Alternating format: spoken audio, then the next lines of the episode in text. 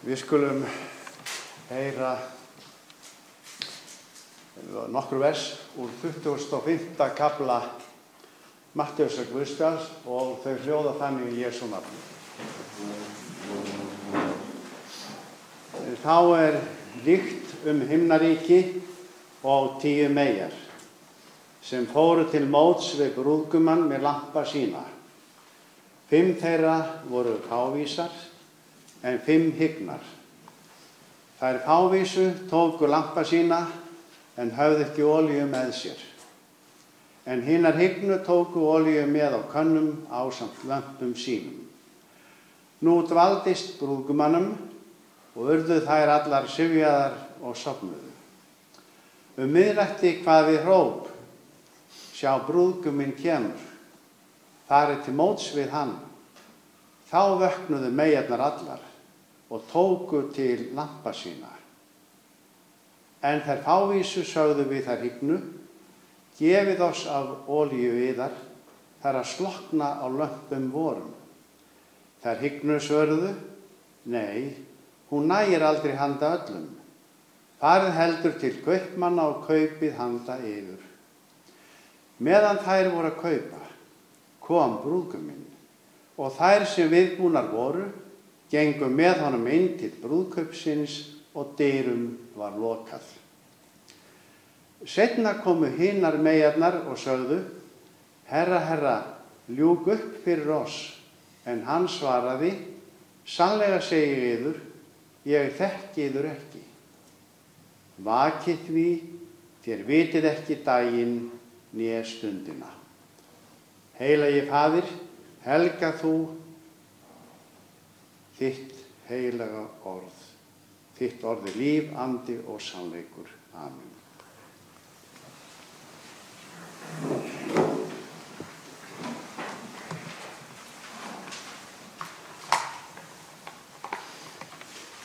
Jólafastan er gengin í garð og mitt kirkjuár er hafið. Jólafastan nefnist líka aðventa sem dreigið er af latnesk orðinu aðventus sem merkir tilkoma, þar að segja koma Jésu Krists og skýrskotar það til jólanna sem framöndan eru. Aðventan byrjar með fagnadar kveðjunni, blessaður sé sá sem kemur í nafni drottins. Annar sunnudagur í aðventu bóðar dýrð hans þegar hann kemur. Þrið, á þriðja sunnudegi jólaföstu er svo spurningin, ert þú sá sem koma skal? Það er að segja, ert þú sá sem fyrirheitin ræða um? Hámerki er svar Jésu við þessari spurningu, farið og kunngjörið Jóhannesi það sem þið heyrið og sjáið, blindir fá sín og haltir ganga, líktráir reynsast og döfir heyra, döðir ísa upp og fátækum er flutt fagnaðar erindið. Jóhannes skýrari var fyrirrennari Krists, því kemur hann fram í tveimur síðari guðspjöllum aðventunar. Dæmi hans og vittnisspurður á enn að greiða Jésu veg. Merking aðventunar kemur skýrt fram í Guðspjallinu um megarnar tíu. Þar er fjallað um framtíðina, endur komu Krists og ábyrðina sem kvílir á okkur. Eins og hygnum megarnar í dæmisögunni þurfum við að vera viðbúinn og vakandi. Við verðum að undirbú okkur með því að ganga fram í von og trú og beina hug okkur og hjarta að Jésu Kristi sem kemur til að vitja barna sinna í fyllingu tímans. Hver mikilvæg voninum endur komu Krists er, má met eftir því hver oft og víða hún er nefnd í biblíunni. Flest rít Nýja testamenti sinns nefna hana. Jésús vek stöðugt að henni bæði við lærisvina sína og líka við aðra. Hann hér því að koma aftur. Hjarta eðar skelvist ekki. trúið á Guð og trúið á mig. Í húsi föður míns eru margar vistarverur. Væri ekki svo, hefði ég þá sagt yfir að ég færi burt að búiðu stað. Þegar ég er farin burt og hef búið yfir stað, kem ég aftur og tek yfir til mín svo að þér séuð einnig þar sem ég er. Allir postularnir bóðuðu þá staðrind að Jésús kemur aftur. Vonin um endur komu Krists er einnig í trúarjáttningu kirkjunar. Í postulegu trúarjáttningunni segir mun þaðan koma að dæma lifendur og dauða. Nýja testamentið notar þrjú grísk orð til að lýsa endur komu Krists. Fyrst er parósía. Það er átt við persónulega nálaði Jésu Krists. Annað gríska orðið er epifania. Orðið lýsir byrtingu stjörnu sem verið hefur á himnum allan daginn, hulinn mannlegum sjónum, en kemur í ljós þegar kvöldar. Þriðja orðið er apokalypsis sem þýðir byrting þess sem hefur verið hulið. Nú er Jésús hulinn sjónum okkar, enda þótt hann sé nálegur okkur með heilugum anda sínum og því er nú dagur trúarinnar. Á endurkomu deginum munar verða öllum sínilegur. Þá breytist trúin í fullvissu þegar við sjáum hann eins og hann er. Fyrir, fyrir koma drottins var aðeins augljós örfháum mönnum. Í hugan kemur atburðurinn á Betlemsvöllum er englar heiminsins sögðu fátækum fjárhyrðum frá fæðingu frelsarans. Síðari koma hans verður með miklum mætti og dýrð þá mun hvert auga sjá hann. Lokaður Guðspjálsins eru vakið því. Þér vitið ekki daginn nýja stundina. Engin orð sem Jésús hefur talað eru skýrari eða auðskildari en þau að lærisveinar hans eigar vaka vænta komu hans þegar að vaka eins og örgisvörður sem gætir húsnæðis en vaka kristnir menn dæmisega Jésu af meginum tíu sínir hvernig þær sváfu allar uns miðnætur kallið hljómaði brúðguminn kemur farið til móts við hann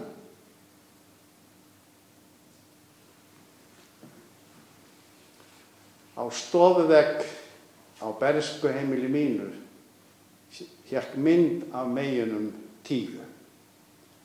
Á myndinni sjást fimm megar fara til móts við brúkumann með skæri ljós á lömpum sínum en aðrar fimm horfa örvæntingar fullar eftir þeim en ekkert ljós loðar á þeirra lömpum. Sem smá strákur var ég að velta því fyrir mér hvaða konur þetta væru. Ég þekkti þar ekki. Einu sinni spurði ég mömmum konurnar, hún sagði að myndin hefði bóðskap að flytja. Þetta veri mynd af meginum tíu sem sagt er frá í biblíunni. Á leiði brúðkaup til að lýsa brúðgumannum inn í veistlu salin. Brúðgumannum tvaldist og það var komið nótt Megarnar sopnuð allar. En því að kalli kom, að brúðguminn væri að koma, vöknuð þær og tóku til lampa sína, sinna, kom þá í ljós að fimma meginum voru hyggnar, hafðu tekið með sér óli á könnum til að setja á lampa sína, en hinnar fimm hafðu ekki gætt þess og því sloknaði á þeirra lömpum. Þær urðu því að fara til kaupmannsins til að kaupa ólíu, en á meðan þeir fóru kom brúðguminn og þær sem viðbúnar voru gengum með honum inn til brúðköpsins og dyrunum var lokað. Þegar svo hinnar komið tilbaka var búið að loka veistlusalnum svo að það mistu af veistlunni. Mikið vorkendi ég þessum konum að hugsaði mig sjálfum mér. Bara þær hefðu verið eins forskjálar og hinar sem hefðu haft með sér nóg af ólíu og gáttu því komist í veistlusalinn. Sagarnar, sagan um megarnar tíu hafði djúb áhrif á mig. Við sískininn vorum aldrei skilin eftir ein heima. En í aprílmánuði 1943, nánar tiltekið þann 7. apríl, þegar ég var nýjára, skruppu foraldra mínir frá í smá stund. Við sátum við gluggan á ljósallagötunni þar sem við byggum og byggðum þess að mamma og pappi kæmu heim. Allt í einu sáum við austur heiminin verða rauð glóandi og eldtungur tegjast til heimins. Við vissum ekki hvað var að gerast, en ymsar hugsanir leituð á hugan, ósjálfrátt leitaði ég, leiti á myndin á vegnum og í hugminn kom hvort nú væri runnin upp svo stund að Jésús væri að koma. Ég fann að hjartað bærðist ótt og títt í brjósti mínu og hljóðbæn steg upp til föðurins á himnum. Ögnafliki síðar komu mamma og pappi inn úr dyrunum og sögð okkur að holdsveikra spítalinn í laugarnesi stæði björtu báli. Þar var komið skýring á eldhafinu mikla. Brúðguminn kemur. Farið til móts við hann. Á aðvendunni heyrum við um endurkomi Jésu. En sjálfsagt taka fæstir þann bóðskap alvarlega.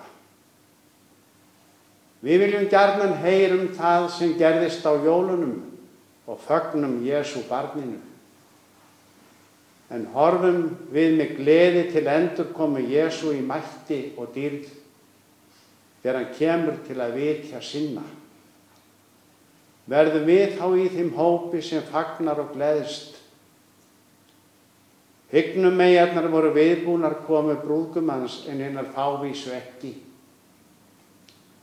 Hver var ógæfa hennar fávísu megar? Þær slögt ekki á lömpum sínum, en samt sloknað á þeim, af því að þeir byrðu sér ekki upp með ólíu.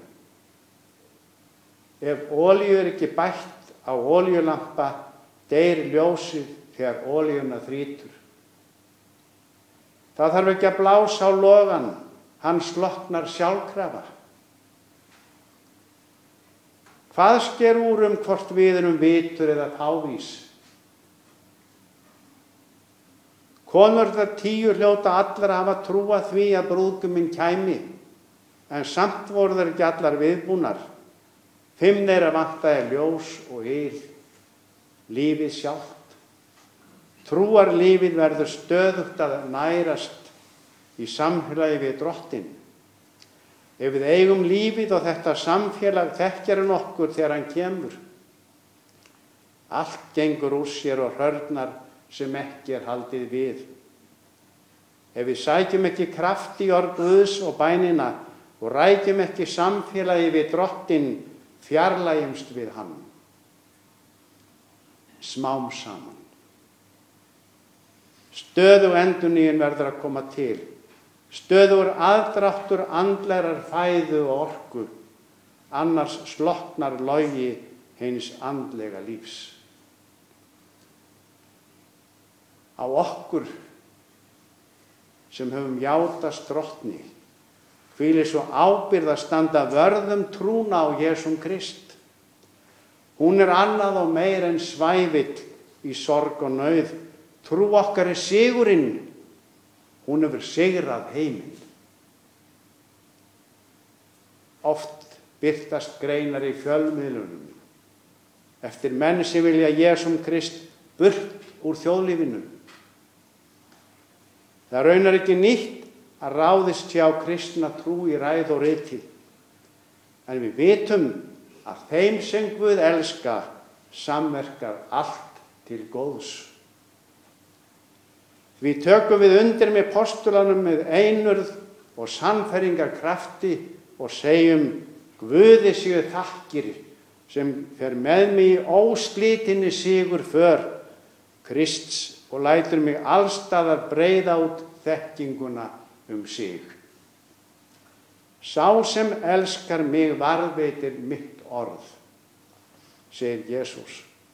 Við um skildum að gegna gagnast orði Guðs. Okkur byrja að flytja það áfram til samferðafólks okkar og einni til komandi kynnslóðar. Við erum að flytja þeim orðið. Í Jóhannesa Guðspjalli segir í upphafi var orðið og orðið var hjá Guði og orðið var Guð og orðið var hold. Hann bjó með oss. Fullur náðar og sannleika. Og við sáum dýrð hans, dýrð sem sonurinn eini á frá föðurnum. Þetta orð hefur borist til okkar. Jésús Kristur, hið skapandi orð Guðs, er í heiminn kominn sem maður, hold. Ekki er hjálpræði neinum öðrum og ekkert annan afn er mannum gefiðum víða veröld sem getur frelsað okkur. Hlutverk okkar er að varðveita fagnarinn af trúmennsku boðskapin um hjálpræði Guðs í Jésu Kristi, svo að aðrir eignist hlutild í honum sem á jólum fættist. Heiminn og jörð munu líðindur lok, en orð mín munu aldrei undir lok líða. Eða eins og Pétur Postuli segir í fyrra brefi sínu, orð drottins varir að eilífu og þetta orð er fagnaðar erindið sem ykkur hefur verið bóðað. Okkur er gefin ákveðin tími hér á jörð og það er ekki sama hvernig við verjum honum. Verið vel tíjaðir og látið ljós yðar loga og verið líkir þjónum er býða þess að húsbóndi þeirra komi, segir Jésús. Hann mun efna lofur sitt. Jésús kemur aftur einhver daginn Vakið því, þér vitið ekki daginn nýja stundina. Í orðskveðum Salamón segir, ljós réttlátra logar skjært en á lampa ránglátra sloknar. Allir hafa syngað og skortir Guðstýrð og Guð réttlætir þá án þess nokkur verðskuldi það af náð með endurlust sinni Kristi Jésu. Guð bendur á blóð hans sem sáttar fórn þeim sem trúa. Segir Pál Postur í Rómani brifinu.